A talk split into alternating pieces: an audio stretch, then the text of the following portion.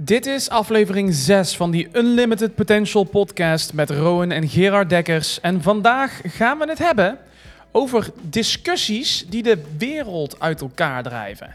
Ja. Ja, dat is toch wel echt een pittig onderwerp. Hebben we vorige week ervaren, hè?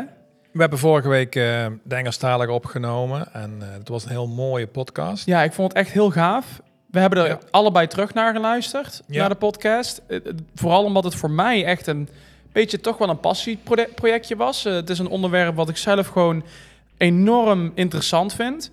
Ehm, en we hebben ook met wat luisteraars gesproken, ehm, die ons ook hele fijne feedback hebben teruggegeven. Waarbij we ook onder andere hebben ontvangen dat eh, mensen ook aangaven van ja, soms merken we dat het een beetje eh, nog wat, wat onderbouwing mist. Kijk, en voor de mensen die nou aan het luisteren zijn of aan het kijken op YouTube, hoi. Ehm, eh, wij zijn natuurlijk allebei enorm gepassioneerd over dit soort eh, mentale gezondheid en groeionderwerpen. Ehm, en wij hebben daar natuurlijk al redelijk veel informatie die we er al van weten. Ehm, en daarom hebben we daar eigenlijk nooit echt heel veel over nagedacht. Van laten we nog extra dingen onder, eh, hè, onderzoeken erbij halen. En, omdat wij dat allemaal al een beetje weten. Ehm, maar we zijn heel erg blij dat we het hebben te horen gekregen. Dus we hebben nou inderdaad echt wat meer data voor jullie er ook bij gepakt. Wat, wat eh, goede quotes van andere professionals uit het vak ook. Ja. Ehm, onderzoeken hebben we erbij gepakt. Zodat we jullie allemaal ook echt wat meer, ehm, ja, gewoon wat meer eh, voeten in het zand kunnen geven, denk ik ook met de onderwerpen die we gaan bespreken. Nou, ik denk dat dat eh, heel goed is. Ehm, we, we realiseren ons zelf vaak niet dat we dingen doen in de podcast, maar ook in onze trainingsprogramma's, die heel erg gevalideerd zijn. Maar wij weten dat inderdaad. Wij dat die- weten dat, dat ja. die gevalideerd zijn Ja, en dat er allerlei onderzoeken aan ten grondslag liggen. Maar wij zitten dat, we, ja, we vertellen dat gewoon niet elke keer. nee, nee, en dat is voor ons natuurlijk ook gewoon een beetje nieuw in dat opzicht. En eh, nou dat we dat hebben beseft, dankzij jullie, dan, dankzij jullie feedback, kunnen we er ook iets aan doen. En Ja. nou, het was Ja. ook, ook eigenlijk compleet, voor mij in ieder geval, compleet logisch toen ik het hoorde. Dat ik dacht van ja, dat dat is ook gewoon waar. Wij, we- wij weten dat wij het, dat, dat, waar we de informatie vandaan halen. Maar dat betekent niet meteen dat het voor jullie ook een goede bevestiging Nee, is. nee, hoe, eh, absoluut. hoe geloofwaardig het is. Maar Ja. vandaag gaan we lekker eh, dus praten over eh, eh, datzelfde onderwerp als wat we vorige week hebben aangehaald. Eh, de discussies die de wereld laat, ja, eigenlijk verdelen, heb ik het even zelf letterlijk vertaald. Ja, Ehm, en we hebben dat gewoon, eh, ja, we hebben dat in de afgelopen jaren gewoon meegemaakt. Dat er gewoon echt een aantal discussies zijn geweest die, ja, kan ik toch wel zeggen, de wereld aan het verdelen zijn. Ja, nou, je ziet het natuurlijk eh, heel erg dat, dat mensen hun, zeker op sociale media, hun mening geven. En dan eigenlijk misschien wel niet echt een mening terug hoeven. Dus, dus daar Ja. ontstaat er zelfs niet eens echt een discussie.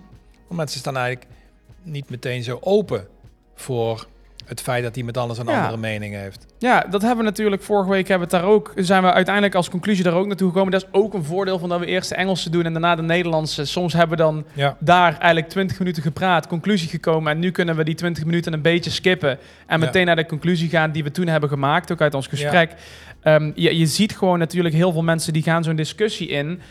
ehm, toch wat minder met de intentie om samen een oplossing te vinden. Maar eerder met de intentie om te zorgen dat de ander het gewoon met jou eens gaat worden. Hm. Ehm, daar hebben we toen, de- toen ook kunnen concluderen. Even om nog iets meer context te hebben. De discussies waar we het over hebben zijn natuurlijk echt wel de grote discussies. We hebben natuurlijk in de afgelopen twee, drie jaar hebben we discussies mee, grootschalige discussies meegemaakt over discriminatie. Ehm, over corona hebben we het meegemaakt. Ehm, over verschillende natuurlijk politieke richtingen. Maar echt, echt natuurlijk discussies. Nou, ik, ik weet niet of jij toen een beetje die filmpjes hebt gekeken over corona vorig jaar. Maar echt rellen. Echt mensen die aangevallen werden. En, en dat dan over inderdaad simpelweg het feit dat je twee partijen hebben die gewoon een compleet andere mening hebben over een onderwerp. Die het niet met elkaar eens zijn.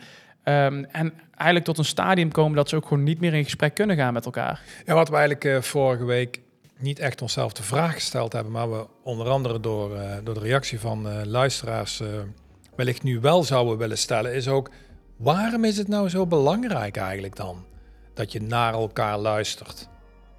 Ja, en daar, nou, daar, daar, waarom heb ik zou dus, je dat willen doen? daar heb ik dus iets interessants over gevonden. Want er zijn dus meerdere, eh, meerdere therapeuten, kun je het noemen, en, en ook psychologen die, dit, die hier een heel, hele interessante uitspraak over hebben gedaan. Ik heb bijvoorbeeld een stukje gevonden ehm, vanuit een co-founder van, ehm, Imago Relationships International, dus relatietherapie, doen die. En die, zeggen, die geven ook aan, ehm, iets wat wij natuurlijk ook al eerder hebben besproken, een conflict activeert het reptielbrein dat ons automatisch brengt in vechten, vluchten, bevriezen.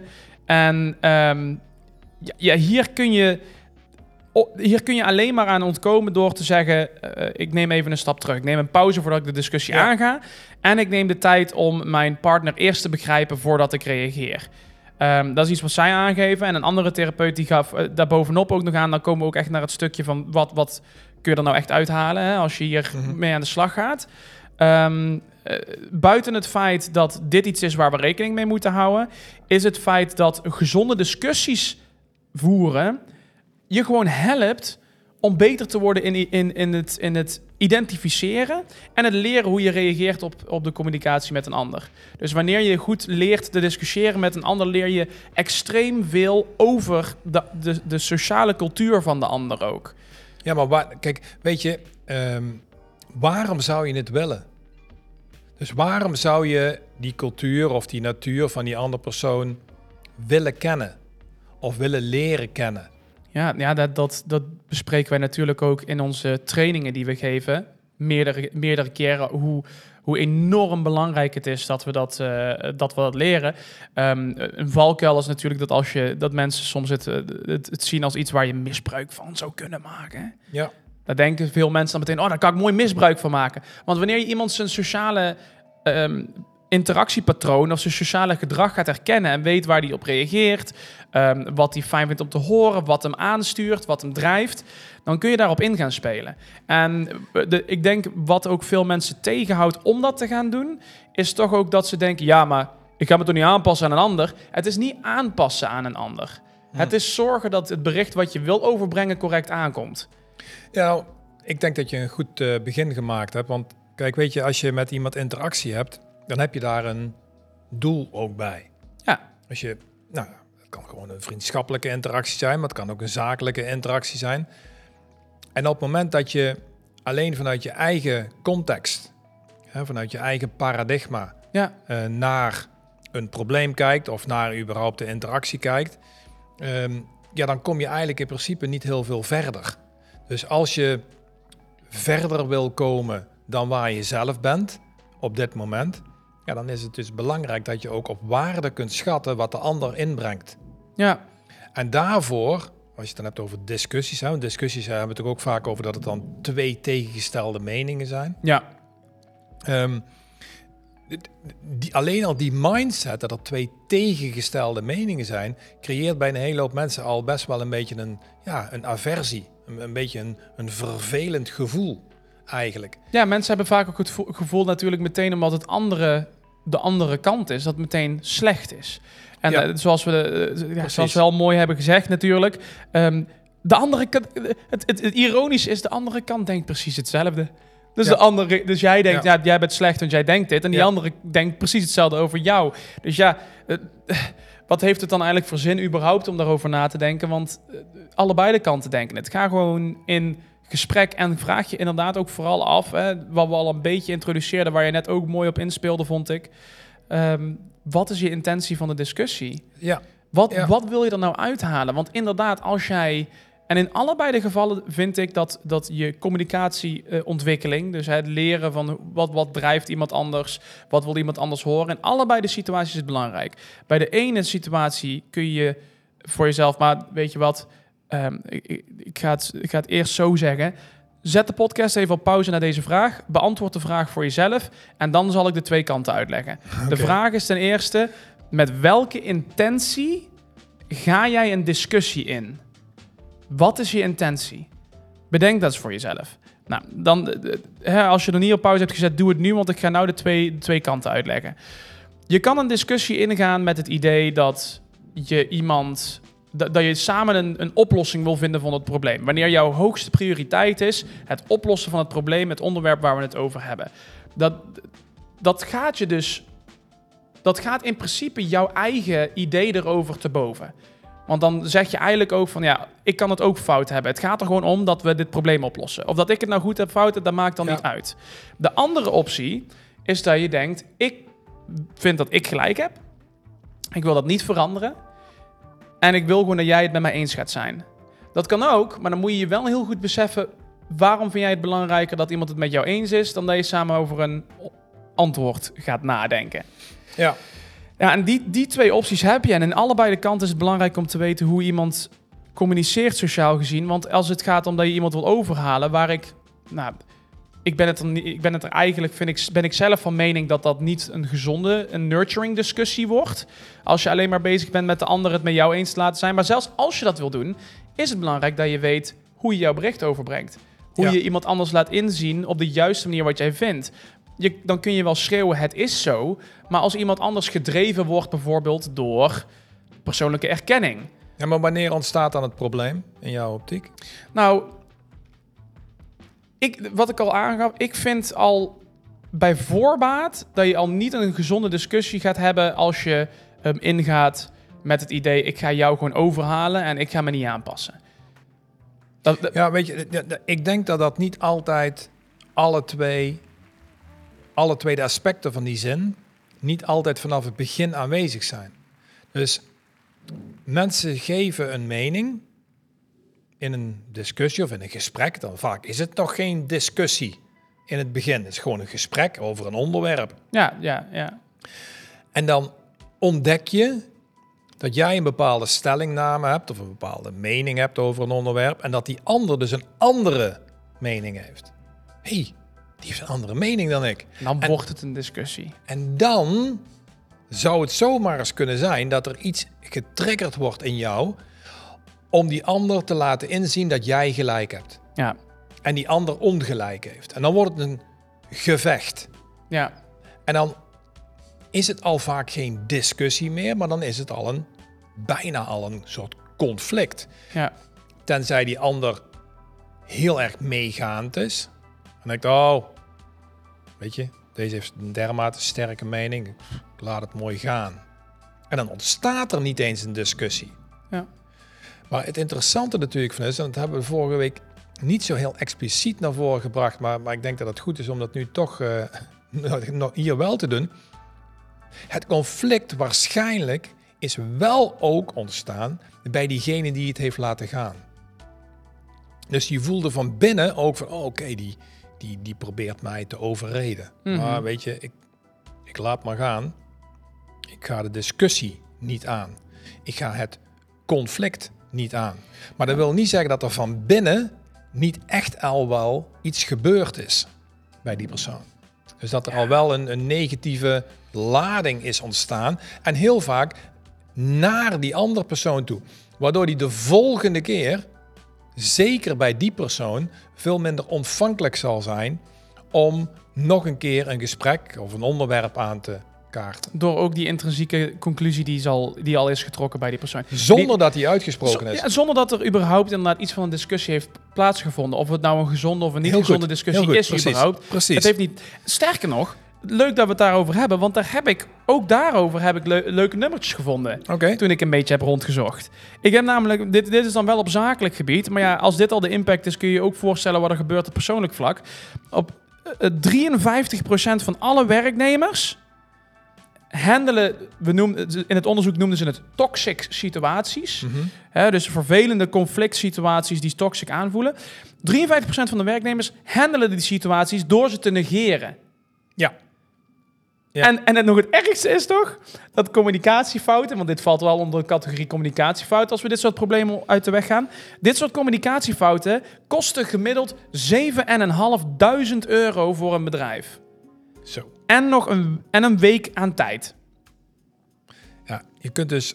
En, en, en, dit, en dit ging over het negeren van... Het nege- dus het, het- je, er komt een toxic situatie eh, een- en die handle je door te zeggen ik laat het gaan en ik negeer het. Ja. We lossen het niet op. Ja, en ik denk dat dat te maken heeft met wat ik daarvoor benoemde. Dus mensen die ervaren het wel als een toxic, als een giftige situatie, maar doen er verder niets mee. Ja, en je ziet het veel met mentale gezondheid over het algemeen. Hè? Ja, Kijk, we hebben het hier voor de podcast ook nog een beetje over gehad eh, vanochtend.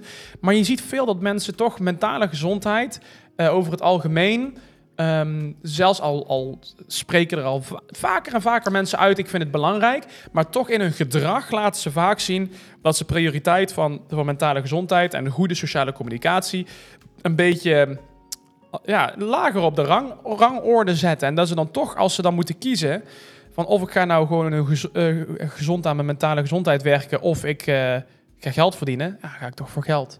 Of dan ga- weet je, dan valt het toch een beetje weg. Maar je ziet hier direct wat voor een impact het heeft. Ja. Als je niet aan dit soort conflicten en aan dit soort mentale en sociale situaties werkt. Nou, het, het is ook zo dat op het moment dat je dat dus wel, eh, dat je dat dus binnenhoudt en dus, dus er niet mee aan de slag gaat en het dus niet laat stromen, die negativiteit die bij jou binnengekomen is, omdat je die ander ja, toch merkte dat hij een mening had die wel vrij stevig was en je had eigenlijk geen zin om daar in mee te gaan en je ging het negeren, Ja. dat, die, dat dat van binnen allerlei gedoe veroorzaakt in jezelf. Ja, Met alle gevolgen dus van die. Hè? Want die cijfers die jij noemt, die zijn natuurlijk gerelateerd aan waarschijnlijk arbeidsproductiviteit. ja, ehm, of wellicht zelfs uitvallen ehm, van mensen. Omdat ze intern zo zich niet fijn voelen door die ja, toxic situatie.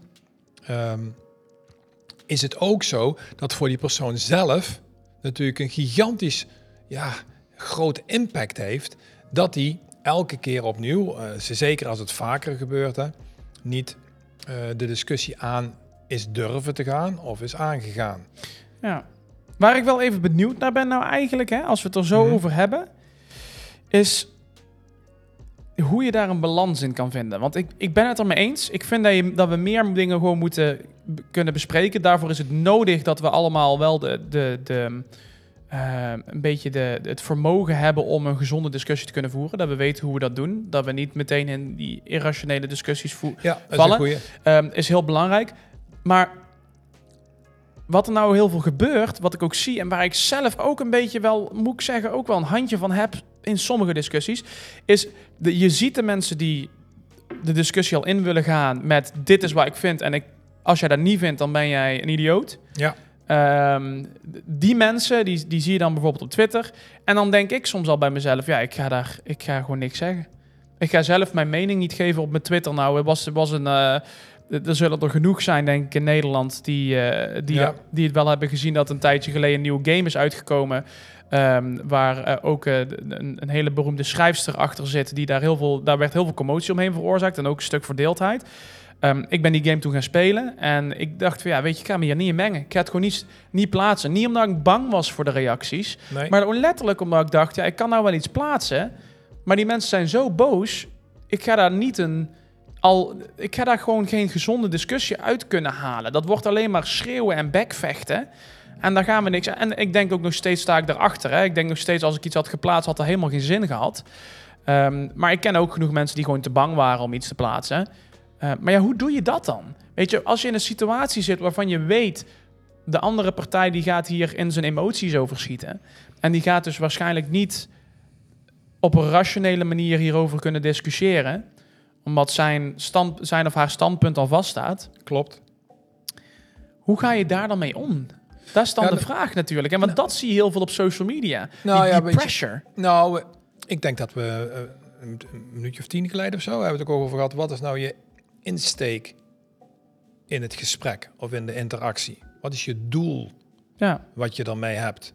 Kijk, als je in een zakelijke omgeving zit, als het een werksituatie is, ja, dan moet je met elkaar een klus klaren.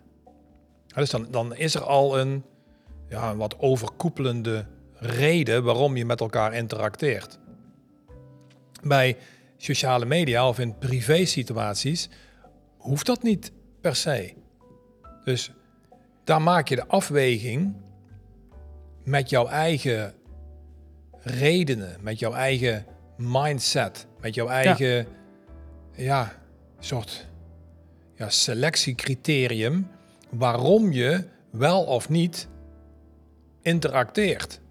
ik weet niet of dat je mijn brein hoort kraken, maar ik vind het echt heel interessant hoe je, dat je, dat je- dit zet me echt even aan het denken dat je dat zegt. Want Ja. het is natuurlijk echt zo. In, in al die situaties is het heel belangrijk, denk ik. En ik heb dat zelf een beetje van jou geleerd toen ik jonger was. Mhm. Ehm, eh, op een of andere manier is dat dat bij mij echt inges- ingeslopen om gewoon van tevoren in dat soort sociale situaties eerst even te gaan denken: wat is mijn doel? Wat wil ik gaan bereiken met dit te zeggen? Wat, wat is nou echt het, het, het feitelijke doel wat ik wil bereiken? Wil ik dit gewoon, ik, ik wil dit niet gewoon plaatsen om maar iets op mijn Twitter-tijdlijn neer te zetten. Ehm, en dan ga je denken, dan ga je even nemen, neem even deze hypothese die we Hm. nou net hebben gesteld. Ga ik denken, nou, ehm, ik zou wel wel willen plaatsen, omdat ik denk dat heel veel mensen een, ehm, nog een beetje een beperkt zicht hebben hierop, op de game. En dat het misschien helemaal niet zo heftig hoeft te zijn. Ehm, en daar ook misschien mensen wat meer vertrouwd bij laten voelen. Ehm, dat we er ook allemaal wat makkelijker over kunnen praten. Dat zou ik fijn vinden. Nou, en dan kun je jezelf gaan afvragen: oké, niet hoe ga ik dit zo hard mogelijk schreeuwen, maar ga jezelf eens de vraag stellen: hoe kan ik dit formuleren op een manier dat ik mijn doel ga bereiken? En wat is het doel dan? Dus bijvoorbeeld, eh, in, in- neem nou eens eh, in deze context, er zijn allemaal mensen die aan het schreeuwen zijn. Dan ga ik eens bij mezelf denken, nou, ik wil met mijn volgende tweet, wil ik die mensen aan het denken zetten. Daar kom ik dan als conclusie op uit. Dat ik denk, ik wil die mensen aan het denken gaan zetten. Dat ze misschien wat meer begripvol gaan worden naar de mensen die het misschien wel leuk vinden om Maar game te waarom spelen. zou je willen dat ze begrip krijgen? Nou, nou, niet eens misschien, misschien begrip, maar meer openheid. Dat er daardoor weer nurturing discussions kunnen ontstaan, omdat ze meer open worden. Nou, er zijn ook mensen die wel die game willen spelen. Laten we ze gewoon een keer in gesprek gaan. Ja, maar, ja, ik blijf toch een beetje met dezelfde vraag. Ja, Dus, kijk, in privé situaties is het, is het heel ingewikkeld. Omdat je eigenlijk jezelf vijf keer of zo de waarom-vraag zou moeten stellen. ja waarom Dus wil je dat? Waarom wil je dan dat die persoon open wordt voor die game? Die beroemde dame, die, die doet wat uitspraken, die, die creëert een, een, een, ja, een atmosfeer of een sfeer rondom eh, iets. Ik weet niet precies waar het over ging. De details ken ik natuurlijk niet. Ehm, maar het is een bekend mens, die heeft een bepaalde mening die roept de bepaalde dingen en dan ontstaat er een soort, soort opinie. En dan denken mensen, oké, oké. Oh, maar daar ben ik het niet mee eens. En dan zeg jij van, ja, weet je, ik wil eigenlijk wel dat mensen daar dan wat meer open naar kunnen kijken. Dat wat meer minder oordelend naar kunnen kijken. Misschien twee zijden van de medailles of drie zijden of vier zijden van de medaille Ja. bekijken. Ja. Hoezo? Waarom wil je dat dan? Dus waarom is dat een goed idee? Omdat dat de enige manier is hoe we, hoe we, kunnen, hoe we kunnen groeien samen. De enige manier is als we, als we in Hmm. gesprek met elkaar gaan en open gaan staan voor elkaars ehm, ideeën er- over het onderwerp. Dat is de enige manier hoe we echt, echt verder eh, kunnen accelereren in onze groei en over... Ja, dat is interessant, want ik onderbreek jou een beetje, maar ik, ik zit mee te denken met, jou, eh, met jouw gedachtegang. En denk, oké, groeien samen. Maar, maar, maar wanneer is een discussie nou eigenlijk zinvol? Wanneer loopt die goed? Ik ga even jouw microfoon wat hoger zetten trouwens, want hij, hij, moet, op je, hij moet op je mond mikken, hè? Oh, doet hij dat niet goed dan? Nee, dat deed hij net niet helemaal, maar dat maakt niet Oh, uit. Super slecht. Ga verder. Nou, dankjewel. Alsjeblieft, behulpzaam Goed ben ik, hè? zo, ja, geweldig. Het maakt het weer beter. Ehm, Dat doen we samen. dus, dus, dus dan, ja, me- mensen proberen het een beetje, een beetje te volgen, want het is best ingewikkeld. Dat is echt De- pittig, dus ja. Dus, oké, dan wil je er met ze mee open, eh, samen groeien. Maar een discussie, een gesprek met elkaar is eigenlijk pas echt zinvol op het moment dat je alle twee dezelfde type intentie hebt. Ja. ja. Dus niet dezelfde mening, maar dezelfde intentie.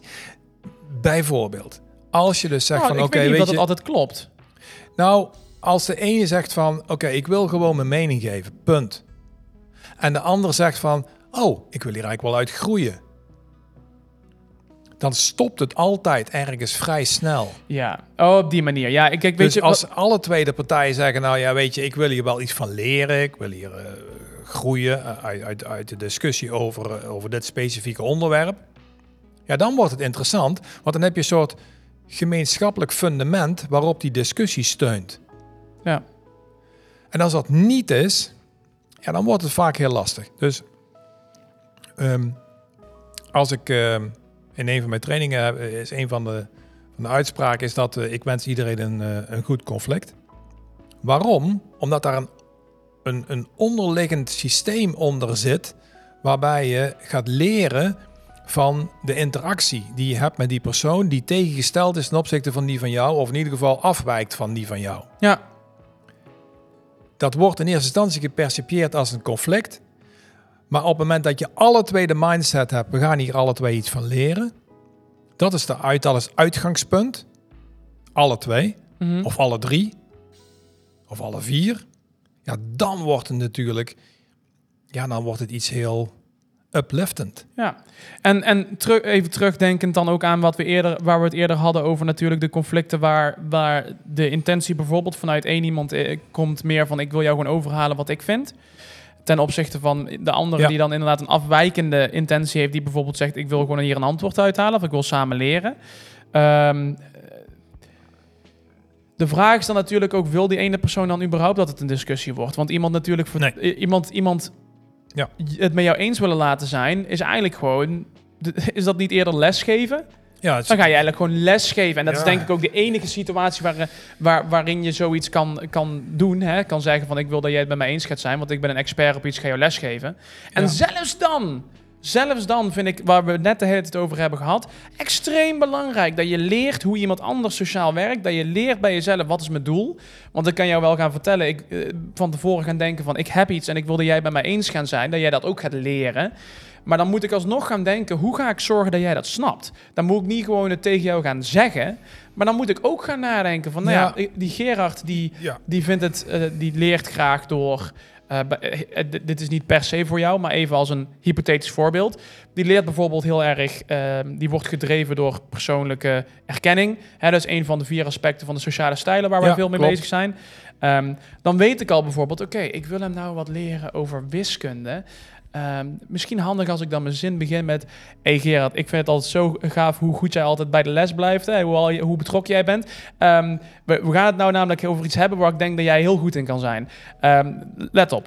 Weet je, en als ik daarmee begin, iemand die uit is op persoonlijke erkenning... die heeft dan meteen... Oeh, ja. ja, daar zal ik vast goed in zijn. Dan, ja, dan ga ik opletten. Nee, maar zo, ik denk dat het zo inderdaad is. En eigenlijk wat je eigenlijk demonstreert met dit voorbeeld over eh, sociale communicatiestijlen, eh, programma wat wij doen, ehm, is dat je aandacht hebt voor zeg maar fundamenten in die ander. Precies. Dus je hebt aandacht daarvoor. Hè? Ja. Je, hebt, je hebt daar echt aandacht voor, zonder het eigenlijk even over het onderwerp te hebben. Het allerfijnste natuurlijk is, en zeker eh, in privé situaties kan dat natuurlijk hartstikke goed. ehm, het fijnste is natuurlijk dat je alle twee diezelfde mindset hebt. Dus, Ja. dus dat die ander dan ook weer aandacht heeft voor hoe, wat jij heel fijn vindt. Bijvoorbeeld, hè, wat- tegenovergestelde stijl, hè, een analyserende stijl, hè, die heeft behoefte aan veiligheid en zekerheid en, en data en informatie uit het verleden. Als je met een zo'n persoon een discussie voert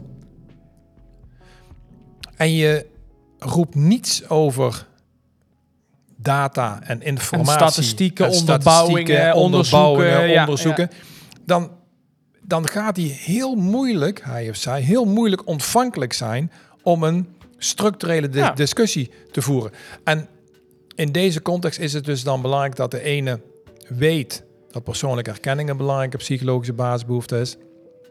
En dat die ander veiligheid en zekerheid door middel van data uit het verleden als een belangrijke voorwaarde. En daar gaat het ongelooflijk vaak fout in discussies. Ook als ze samen willen leren. En ook deels door wat we dus precies wat we eerder aankaarten, wat we veel, eerder in het gesprek aankaarten, ook dat mensen denken, ja, ik ga me niet aanpassen aan dat. Nee, dat ben je niet aan het doen. Je bent, aan aandachtig, je bent aandachtig naar de sociale stijl van een ander, zodat jij weet hoe je je dingen kan verwoorden, zodat de ander het überhaupt verwerkt. Je doel is dat iemand het gewoon ook gaat verwerken. En daarvoor moet je al weten, hoe kan je het brengen naar iemand? Maar, maar alles waar we het nu over hebben, is dat er een soort gemeenschappelijke ehm, reden is, of een gemeenschappelijk fundament is, waarop deze discussie plaatsvindt. Ja, en, En die het dus- intentie dan waar je het over hebt. Precies. En, en, en wat jij zojuist aangaf, als iemand zeg maar gewoon eh, zijn of haar mening wil doorduwen, ja, dan is er eigenlijk geen discussie. Nee, zie het, zie het Dat als zo'n geen- blokkendoos die je aan je baby gaf met van die verschillende vormpjes erin. Eh, je wil, de, de, het doel is toch dat je die blokjes in het doosje krijgt. Niet dat je dat, eh, dat, dat, dat je dat ronde blokje gewoon per se door dat driehoekige eh, gaatje heen moet krijgen. Ja. Dat is niet je doel. Nee. Dus pak gewoon het driehoekige blokje en krijg die door het driehoekige gaatje heen. Ja, maar nou dat heb is niet dat je, hem gaat, dat je jezelf gaat aanpassen. Je gaat gewoon kijken, dit heeft dit nodig om te Ja. bereiken wat we willen bereiken. Ja, en dan nogmaals, ehm, de- het is geen manipulatief systeem, zeg maar. Het is niet zo dat je die ander aan het manipuleren bent, want je hebt een gemeenschappelijk doel. Ja. En het gemeenschappelijk doel is om elkaar te begrijpen, waardoor je door middel van een, de mening van de ander zelf ook verrijkt wordt. Dat is een goede discussie. Dus als je het over een Ja. definitie hebt van een goede discussie, en dan zeg je van oké, weet je, we hebben hier een onderwerp, we willen gezamenlijk er eens over hebben. Eh, Ja. of, of het gebeurt gewoon spontaan, wat meestal gebeurt. Ja. Ehm, en dan zeg je van, oké, wow, wow. als het een beetje heftig wordt, hè, of die amygdala-kernen, dat reptiele brein begint eh, te gonzen. Dan zeg van, oké, we- weet je, ehm, waarom bespreken we dit nou eigenlijk? Ja. Ga je jezelf misschien toch maar eens even afvragen dan inderdaad van tevoren. Ga ik nou wel echt een Ja. discussie houden? Ga ik nu een discussie Of houden? wil ik ga gewoon mijn mening geven? Ga ik nou gewoon venten? Ga ik nou gewoon alles eruit gooien? Ja. Maar, maar hou die definitie goed voor jezelf vast. Dat is denk ik heel belangrijk. Maar dat, dat een, is- dat een discussie ook meteen betekent... ik ga een gezonde discussie in. En een discussie is met een gedeelde intentie... met een... Met, met allebei, hè, dat we iets Ja. willen leren, willen groeien hieruit, is ook wat, we, wat ik ook heb gevonden over een, een heel interessant. Want dat is nog steeds, hè, dan wil ik toch benadrukken, benadrukken hoeveel we kunnen leren daaruit. Hè. Een goede discussie. Ehm, eh, onderzoek wat ik heb gevonden vanuit Oxford. Hè, de, meerdere, heel veel meerdere artikelen heb ik erover gevonden. Echt, als je dit googelt, gezamenlijk leren versus ehm, ehm, alleen leren. Dus eh, eh, solidair eh, alleen Ja. leren. Ja, Als je dat googelt, nou, dan vind je echt talloze artikelen erover. Ehm, maar wat onder, onder andere Oxford ook zegt, is van ja, hè, in je eentje leren heeft het voordeel dat je bijvoorbeeld niet wordt afgeleid. Maar samen leren, met behulp van bijvoorbeeld discussies, ehm, zorgt er niet alleen voor dat wij de informatie beter vasthouden. Het is een resultaat wat is bewezen dat wij informatie beter vasthouden als we samen leren.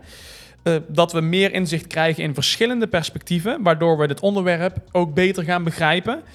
Wederom, volgens mij, dit is de essentie van een gezonde discussie. Dat je door, door middel van verschillende perspectieven een beter inzicht krijgt in het onderwerp. Ehm, en het ontwikkelt ook nog je communicatievaardigheden, heden, eh, die uiteindelijk ook resulteren in een sterker cultureel bewustzijn. Ehm, omdat je ook gewoon over die gewoontes van communicatiestijlen meer ontdekt. Door gewoon in gesprek te zijn met mensen. ja, dat is super interessant. Op dit moment is natuurlijk een heel hot eh, item, is de diversiteit Ja. in organisaties.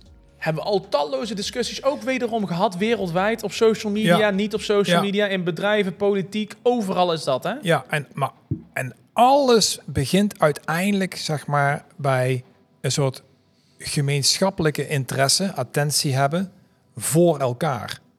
Voordat je aan de slag gaat met leren van en met elkaar. Ja. En wij, eh, kijk, wij begrijpen eh, als we ook gewoon fysiologisch is het gewoon ook logisch dat je dat het beter blijft hangen, omdat je een onderwerp niet alleen in je brein laat bewegen, maar door middel van er woorden van te maken en te bediscussiëren met de ander, worden er ook allerlei andere aspecten van het brein aangezet, waardoor die herinnering ten opzichte van het onderwerp en alle, alle details van het onderwerp veel helderder en duidelijker ehm, ehm, blijven hangen. Ja. Dus, dus, dus daarom is ook dat leren van en met elkaar zo ongelooflijk veel krachtiger, omdat het veel sneller ook de link legt naar, de, naar gedrag Ja. en naar de praktijk. Anders dan blijft het vaak toch in dat brein zitten. Ja, en dat brein kan het dan misschien nog wel reproduceren. Ehm, maar het naar gedrag toe brengen wordt dan, eh, is, vergt altijd weer een extra stapje. Ja. Ehm, nou, dat is ook een van de redenen natuurlijk eh, ja, ja, waarom wij heel veel van onze programma's ook gekoppeld hebben aan leren van en met elkaar. Ja. En ik denk ook dat het echt in de kern ook uiteindelijk wel matcht. Hè? We hebben het net gehad over dat discussies, uh, in discussies de intentie niet altijd matcht. Maar ik denk dat er ook nog een, een soort. Ja, ik, ik zou niet weten hoe ik er een andere term voor zou kunnen geven. Maar toch een, een, nog een kernintentie nog achter zit. Uh, misschien moet ik dat niet de intentie noemen, maar het gevoel erachter zit vaak, is vaak wel in lijn met de ander. Dus hè, soms kun je een discussie ingaan dat je denkt: ik, ik wil gewoon jou overhalen om mij te geloven, of ik wil samen groeien hieruit, of whatever. Maar neem bijvoorbeeld de, de inclusiviteitsdiscussie, waar, we waar, waar je net al aanhaalde. Ik, ik, ik durf wel te geloven dat we allemaal op deze planeet geloven in inclusiviteit op een manier. Mhm. Dat we allemaal wel een kerngevoel hebben van... Hè, we moeten dit samen doen en iedereen is enigszins wel... Hè, iedereen is gewoon gelijk, we zijn allemaal mensen samen op een planeet. We willen er iets moois van maken met z'n allen. Dat willen we allemaal. En toch hebben we natuurlijk heel veel discussies over... jij vindt niet dat die erbij mag, of dat die groep erbij mag... of die mensen erbij mogen, of erbij horen, of zo mogen zijn. Terwijl ja, ik denk toch dat de kernintentie bij iedereen toch wel is dat we het ja, dat we het met elkaar eens zijn dat we het samen moeten doen.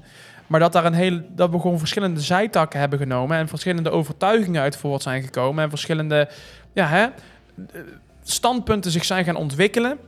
Wanneer we een standpunt krijgen in een discussie, zul je toch zien dat je dat dat standpunt zich alleen maar door de tijd heen verder gaat ontwikkelen. Hè? Als je dat laat broeien in je hoofd, die, dus die, mhm. die dat standpunt van jou, en je gaat je ook een beetje ont, ont, omringen met gelijkgestemde mensen dan gaat dat standpunt alleen maar zichzelf meer ontwikkelen, meer ontwikkelen. Je gaat er meer in vastgeroest raken.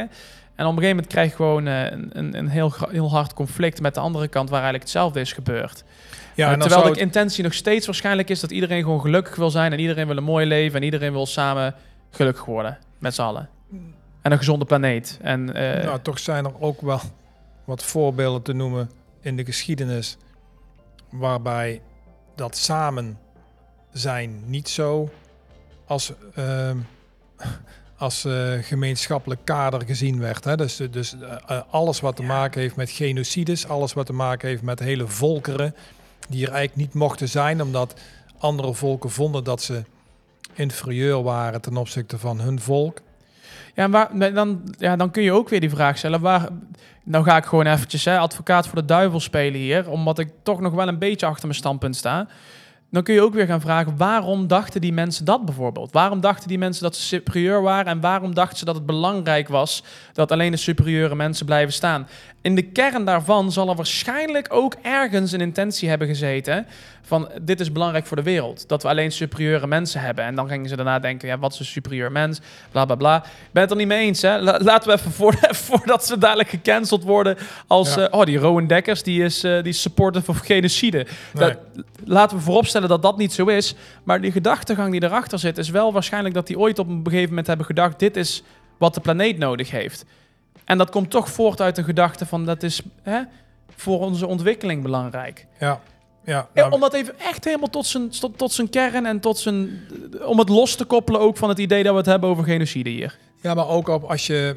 Maar, maar denk ik dat het wel de link te leggen is naar mensen die heel graag willen dat de ander dezelfde mening heeft als zij. Ja. Dus het proberen te overreden. En als dat niet lukt, daar heel boos over worden. Dus mijn mening is belangrijker dan de mening van de ander. En dan kom je tot een. Dan kom, dan kom je nooit tot een goede discussie. Nee. Dus op het moment dat dat de mindset is, is een discussie, een, een, een voedende discussie, eigenlijk onmogelijk. En elke vorm van superioriteit ten opzichte van je gesprekspartner uh, creëert altijd conflict. Ja, daar zijn we ook wel achter gekomen. En dat, kan dus... dat is ook de reden waarom we natuurlijk van die mensen in de geschiedenis die een beetje uh, genocide aan het pushen waren, dat we die toch wel hebben verteld van nou, zullen we dat toch maar niet doen? Nou, ik, ik denk dat dat wel een hele goede conclusie is. Uiteindelijk zie je dat er, uh, dat er in de geschiedenis, dus op allerlei momenten, uh, toch weer het samen leven en het samen met elkaar uh, coexisteren, dat dat toch meer de leidraad van de mensheid is dan uh, je afzetten tegen uh, een groep of tegen groepen. Uh, maar, maar, maar voordat, voordat we denk ik de, hele wereldproblematiek eh, in deze podcast eh, op ons hals halen, ging het hier natuurlijk ook wel echt over, eh, over micro-problemen. Dus er is, een, er is een, een onderwerp, een discussie over een onderwerp. En hoe doe je dat nou? Nou, Dat, je, dat je die discussie, zeg maar, hè, dat je die op een, op een voedende manier ehm, voert. Nou, ik vind het toch wel belangrijk dat wat je net zegt, dat we dat toch even concluderen tot een goed standpunt. Want wat jij zegt is wel echt goed hoor. Dat we in het verleden hebben, eh, hebben gemerkt. Ja, we, hebben, we kunnen zeggen wat we willen, maar we, hebben echt, we kunnen wel concluderen dat het doorpushen van een standpunt in het verleden, dat, we wel, dat dat wel heeft bewezen dat dat niet de oplossing is. Nee. Dat het doorforceren van een bepaalde oplossing gewoon niet is hoe wij mensen eh, ons willen ontwikkelen en hoe, hoe, hoe het in onze natuur zit. Dus dat is misschien ook op kleinere schaal wel iets waar je jezelf mag beseffen en mag afvragen als je een discussie ingaat. hey, misschien is het n- niet slim om het met de intentie in te gaan dat we gewoon iets gaan doorpushen. Nou, tegenwoordig en dat in de afgelopen 30 jaar is er natuurlijk iets ontstaan in de, op de wereld, dat wat heet sociale media, ehm, waardoor je een enorme impact kunt hebben eh, met jouw mening.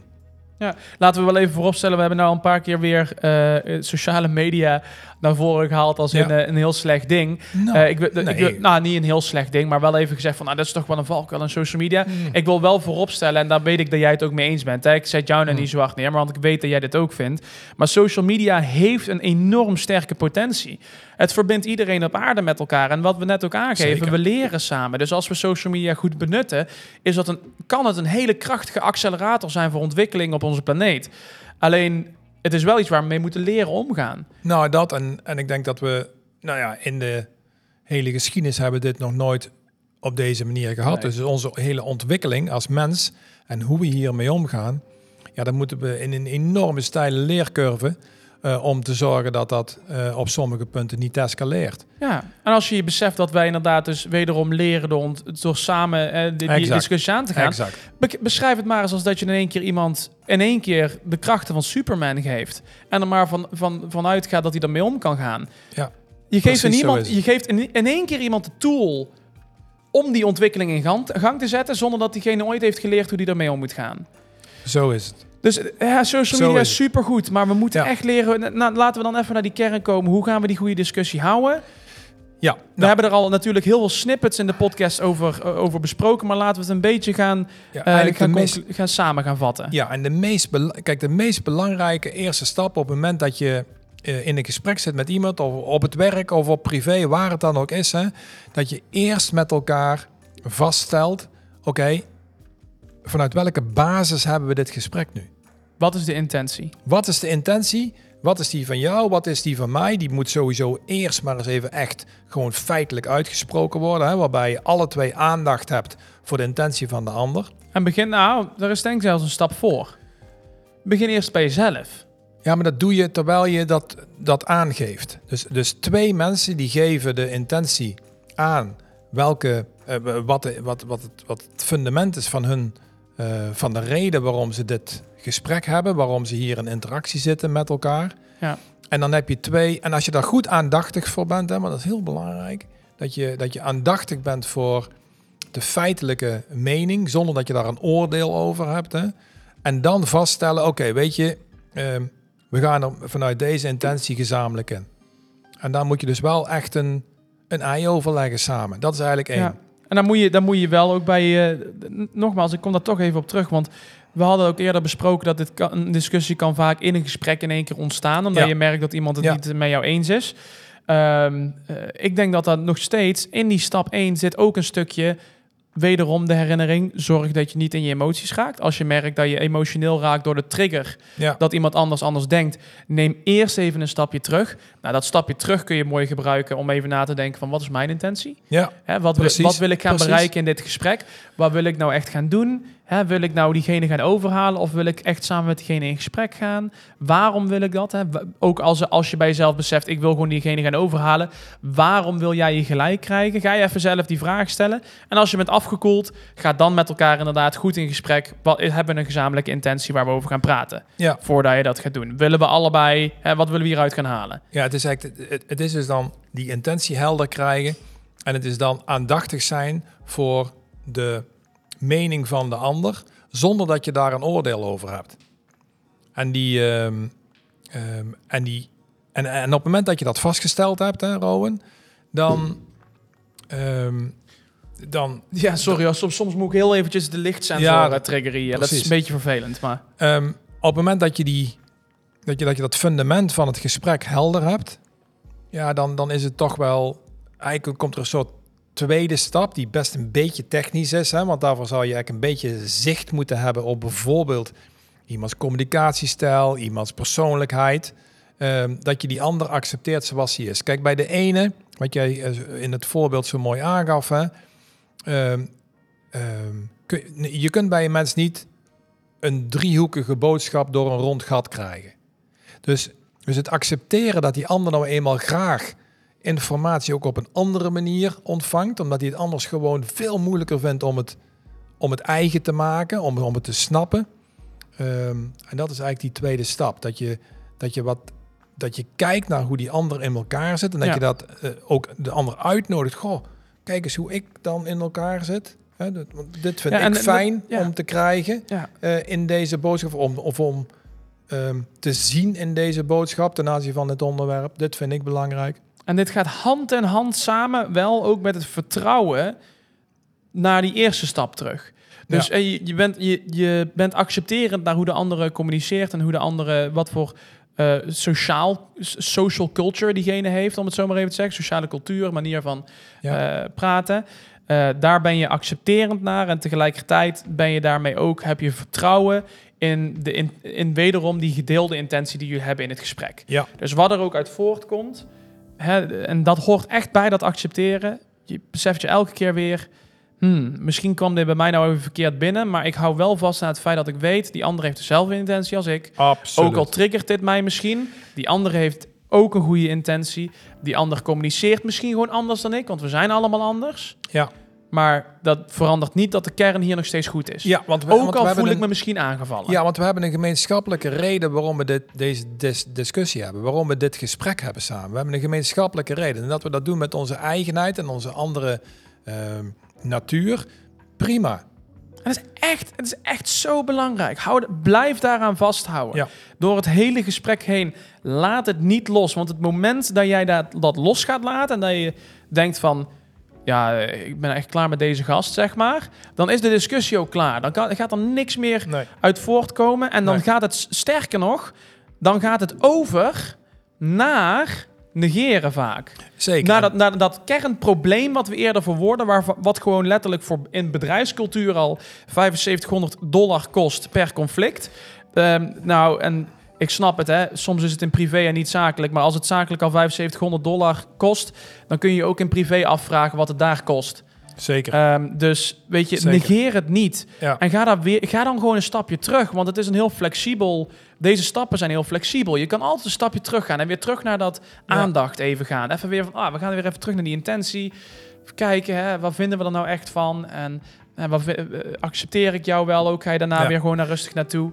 ja, en om het, eh, om het dan de drietrapsraket af te ronden. Ja, Ehm, aandacht voor elkaar, ehm, voor elkaars boodschap, gemeenschappelijke in- intentie krijgen in, in de discussie, dat is één. Stap twee is dat je accepteert dat de ander wellicht anders in elkaar zit en ook die boodschap dus ook wellicht op een andere manier ook wil, eh, wil ontvangen, maar ook er op een andere manier over wil praten. Dat is sta- stap twee. En uiteindelijk, uit een discussie komt ook vaak een soort gevolg van hoe je wil gaan handelen ja, hoe je wat je wil gaan activeren in jezelf. Of ten opzichte van het onderwerp, als je zakelijk eh, ergens over praat. Of hoe je je gaat gedragen, zeg maar, nadat de discussie afgelopen is. ja. En, en zo kom je een hele mooie, simpele drietrapsraket uit. eh, waarbij je aandachtig bent, eh, accepterend bent. En uiteindelijk activeert datgene zeg maar, wat hoort bij je mening. Ja. Zonder dat daar al aan alle, aan alle kanten zeg maar, een oordeel is over wat je besluit. En nou ja, we hebben dus nou ja, we hebben de cijfers over wat het allemaal kost als je dat niet op een gestructureerde, goede Ja. manier doet. Hè. Hier, Ja. hier een ander onderzoek van, eh, van, van David Grossman. Die noemt het 62,5 miljoen per jaar als gevolg van gebrekkige interne communicatie. Huh? gevolg van gebrekkige interne communicatie. En dat heeft allemaal met het feit te maken dat mensen intern super moeilijk vinden om een Logisch ook. zijn- discussie te hebben of een, of een conflict te handelen, zeg maar, over een bepaald onderwerp. We zijn pijnvermijders als mensen. Hè? Daar hebben we het al Absoluut. vaker benoemd, ook in de podcast in vorige afleveringen. Mensen zijn pijnvermijders. Dus als wij pijn merken natuurlijk in zo'n discussie of in een conflict, is het logisch dat we willen gaan negeren of het links willen laten liggen. Want we willen het gewoon vermijden. Maar ja, dat is natuurlijk de korte termijn oplossing. Ja. En dat creëert misschien wel weer extra pijn in de toekomst. Of nou, misschien wel zeker. Want dat hebben, hebben we Ja. nou net statistieken op, over opgenoemd. Dus laten we eens eventjes, een, ehm, dat doen we altijd. Hè? We zullen jullie een leuke uitdaging meegeven die jullie in de comments kunnen achterlaten op YouTube of naar ons kunnen mailen naar info@unlimitedpotentialprogram.com. Ehm leuke uitdaging. Pak een onderwerp waar jij moeite mee hebt gehad in de afgelopen tijd om daar je Ja. mening over te uiten of om daar een discussie over te hebben met iemand. Pak dat eens erbij. Laat eens eventjes lekker in de, in de comments. Op YouTube is het meest interessante, denk ik. Want daar kun je echt een openbaar comment achterlaten. Ja, Ehm, en ga eens met elkaar de discussie aan. Of als je het niet in comments wil doen, stuur het in ons in een mail. En beschrijf hoe je zo'n conflict nou zou oplossen. Hoe je de discussie aan zou gaan. Via die drie stappen. Dus hè, via dat eh, eerst aandacht hebben voor de, voor de ander. En voordat jullie een eh, gedeelde intentie hebben. eh, ga daarna eens eventjes, ga daarna elkaar goed accepteren. Beschrijf hoe je dat zou aanpakken. En hoe je, het, eh, eh, ja, hoe je daarin zou gaan. En hoe je ook accepterend en het vertrouwen zou blijven houden naar ook die eerste stap wederom.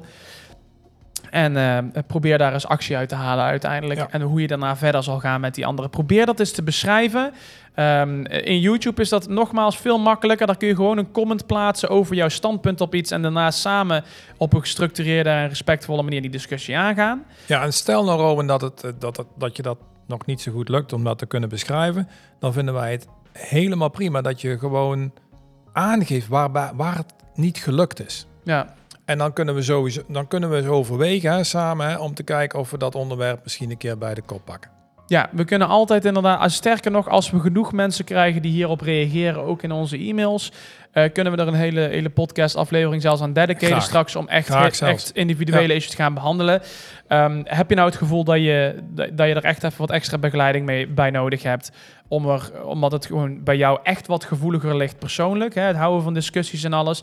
Je mag ons altijd ook contacteren om gewoon echt met ons in gesprek te gaan. Zeker. Ehm, als eh, gewoon in onze coachingpraktijk natuurlijk kunnen we altijd mee in gesprek gaan. Je kan Ja. altijd bij onze training Ja. volgen nog, waarbij we altijd mensen zelf nog veel meer begeleiding bieden. Ehm, we snappen wel dat het voor sommige mensen fijner is om daar wat meer begeleiding te bieden en dat een simpele podcast niet altijd voldoende helpt daarbij. Nee. Dus dat mag altijd. Je kan ons altijd contacteren erover. Ehm, het was weer een. eh, het zit alweer 52 minuten op. Oké. Oké. Gaat toch snel, hè? Ja, ja, we kunnen er wel heel lang over door blijven gaan. Maar ik, ik, denk, ik ben benieuwd wat jullie er ook... Oh, als je hier niet in wil mengen, dan ben ik wel nog benieuwd naar één ding. Wat vonden jullie nou van deze podcast? Vonden jullie het nou fijner op deze manier... dat we wat meer die statistieken aanhalen? Of eh, vonden jullie het juist fijner hoe we het hiervoor deden? Laat het eventjes weten.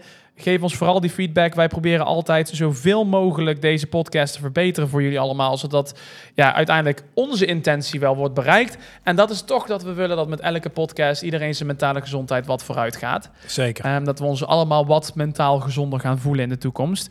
Ehm, dat is ons enige doel. Dus heb je nog tips of iets? Eh, is je iets opgevallen? Vond je iets fijn, niet fijn? Laat ons vooral lekker weten. Ja, we En horen het graag. Houd ons nog maar één ding te zeggen. That dream. Durf te dromen allemaal.